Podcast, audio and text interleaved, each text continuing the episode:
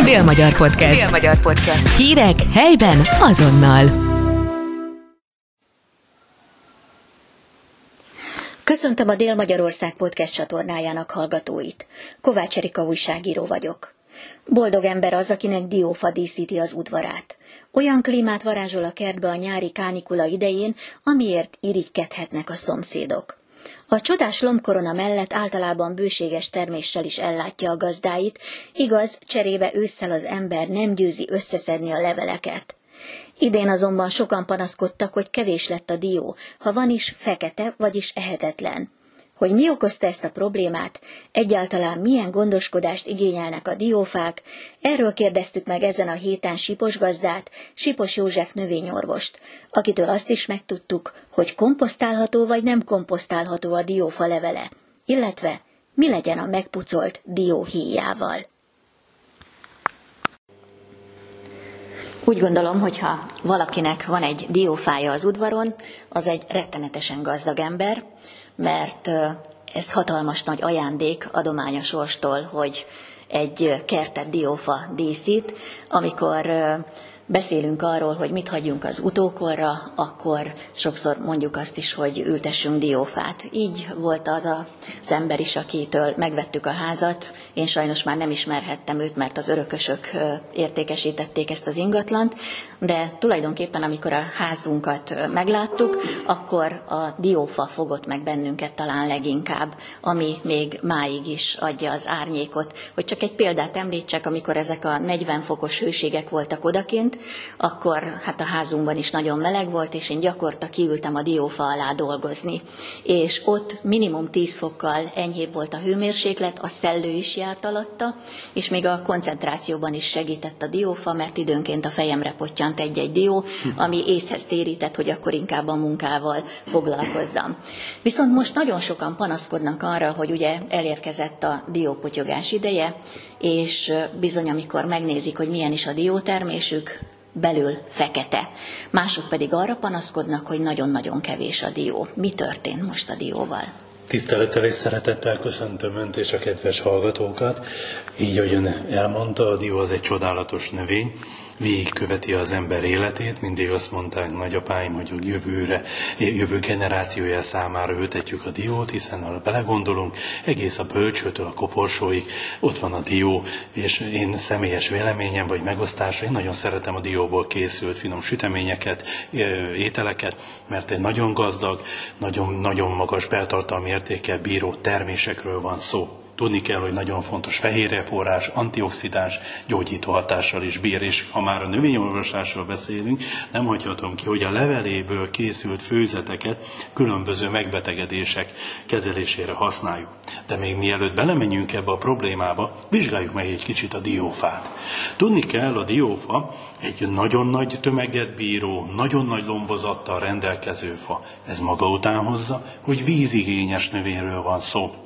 A tavalyi évben már látható volt, hogy a talajainkban a vízkészlet rohamosan csökken. Olyannyira, hogy a dió is mutatta már tavaly is ezt a problémát, virágzáskor eldobta, elrúgta a virágokat, nem termékenyültek, és utána a további felszaporodó, erősödő vízhiány maga után hozta, hogy kisméretű, és szinte nagyon kevés dió termett a fákon. És még ezeket a kis diókat is támadják különféle károsító tényezők.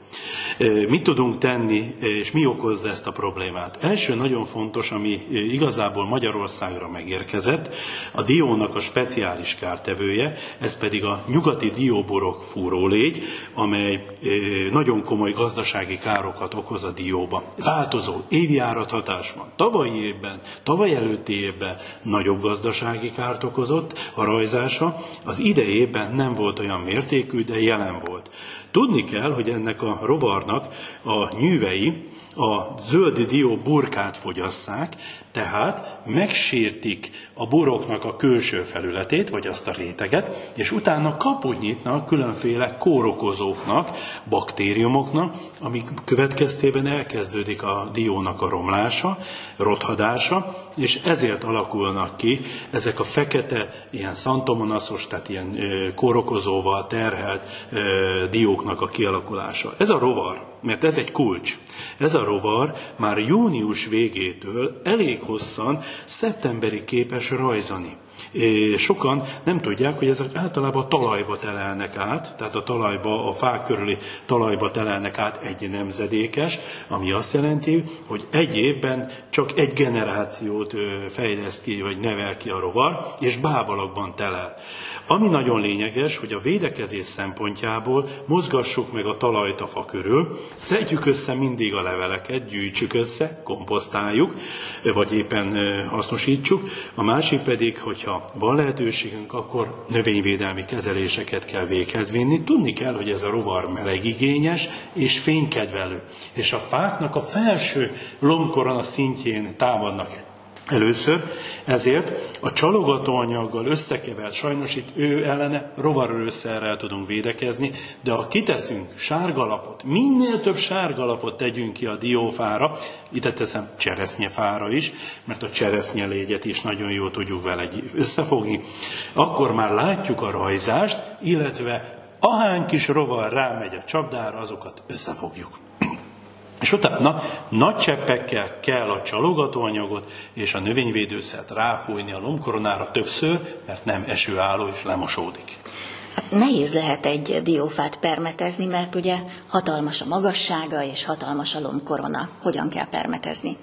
A, a védelem szempontjából több oldalról szeretném megközelíteni. A kérdésére válaszolva, ugye fel toldalékkal, tehát toldalékkal, vagy erős légáramlattal történő permetezést kell eszközölni, vagy drónos permetezéssel, ha majd szépen a jogszabályok teljessé válnak, akkor drónnal le lehet repülni ezeket a fákat. Csak az a legnagyobb baj, hogy ugye a diónál szorványültetvények is vannak. Kertben van egy fa, két fa, az utak mellett is vannak, a vasút oldalba is elszórta a varjú a, a diót, és ott is kifejlődött a dió, és ezek gócok.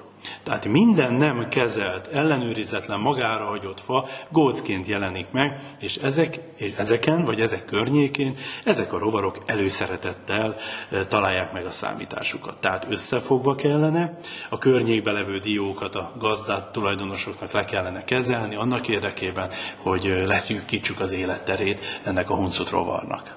Az előbb említette, hogy védekezés egyik módszere az, hogy szedjük össze a levelet, és komposztáljuk. Megütötte a fülem ez a szó a diófával kapcsolatban, hogy komposztáljuk, mert ugye a diófa levéllel kapcsolatban az a hír járja, hogy nem szabad a komposztba betenni a diófa levelet, mert mérgező anyagokat tartalmaz. Viszont van olyan is, aki azt mondja, hogy, mint ahogy ön is említette, hogy lehet komposztálni. Most akkor komposztáljuk a diófa levelet, vagy ne komposztáljuk? Nagyon sokan kérdezik tőlem, és a Sipos Gazda oldalon, hogy, hogy mit csináljunk a diólevéle. Szeretném megosztani, hogy ő is a természet része, a természetnek a csodálatos értéke, és lehet komposztálni szakszerűen. Tudni kell, ketté bontom. Lehet kimondottan diólevél komposztálót kialakítani, ami megfelelően szakmailag diólevelet teszünk bele, és akkor szépen ott több évig, tehát az nem egy éves, legalább két év alatt szépen humusszá változik de lehet vegyes komposztba is behelyezni, akkor kisebb mértékben, mennyiségbe teszem bele a diólevelet, összekeverem egyéb levelekkel, egyéb szalmával, ágaprítékkal, konyhai hulladékokkal, de egy, szépen úgynevezett beleérik a levél a komposztba, és utána ezeket ki lehet juttatni. Nem olyan dózisban van benne az a csírázásgátló anyag, mert tudni kell, hogy akár az akáclevélbe, akár a diólevélbe ilyen csírázásgátló anyagot termel, ami ami, ha nagy mennyiségben kijuttatom, akkor nem, nem megáll a csírázás a vetendő növénynek. Ezért is látod, hogy a diófák környékén nem csak azért, mert nagy lombkoronája van és árnyékol, de még árnyék kedvelő növény se nagyon fejlődik a diófák alatt, mert ez a levélnek a bomlása során ez szabadul fel. Lehet komposztálni szakmailag és szakszerűen. Az is felmerül sokakban, hogy mit kezdjünk a dióhéjjal, mert ugye amikor összeszedjük a termést, megpucoljuk a diót, ott marad az a rengeteg dióhéj. Hát hagyj meséljek el egy példát, ami az egyik barátnőmmel esett meg. Neki is rengeteg diója volt, és azon a nyáron újra rakatták a, a a csempekájhájukat, és kimeszelték a konyhát is. És a barátnőm, amikor összegyűlt egy jó csomó dióhéj télen, rárakta a tűzre, berakta a csempekájhába, és az felrobbant. Ugye akkor nem szabad ezek szerint ilyet csinálni. Ha kedves, kedves gondolattal kezdeném, az első legfontosabb, amit a dióból lehet készíteni, dióhéből például gyerekjátékokat, lehet óvodába, kis állatkákat kis készíteni, katicákat. katicákat lehet festegetni. De a nagy mennyiségű dióhéjénak egyik nagyon fontos veszélye, hogy nagyon magas az olajtartalma, a dióhéjnak, és amit a kedves barátja, hogy hozzátartozójat tett, bizony ezt a nagy tömegbe beteszem a kájhába, olyan magas hő, hirtelen felszabaduló hő alakul ki, hogy szétrobban a kájha. Ezért itt is a fokozatosság elvét szeretném javasolni. Ne dobjuk el ezeket az értékeket. Ha komposztálóba szeretnénk beletenni, akkor törjük össze.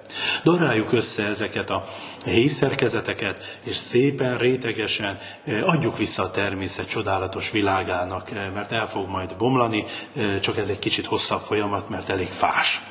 Ha valaki a tüzelő otthoni kájhába szeretné hasznosítani, magas a hőértéke ennek a növényi maradványnak, akkor oda szakaszosan tegyük be a kájhába, pontosan ennek a problémának az elkerülése érdekében. Hasznosítsuk, értékes anyag.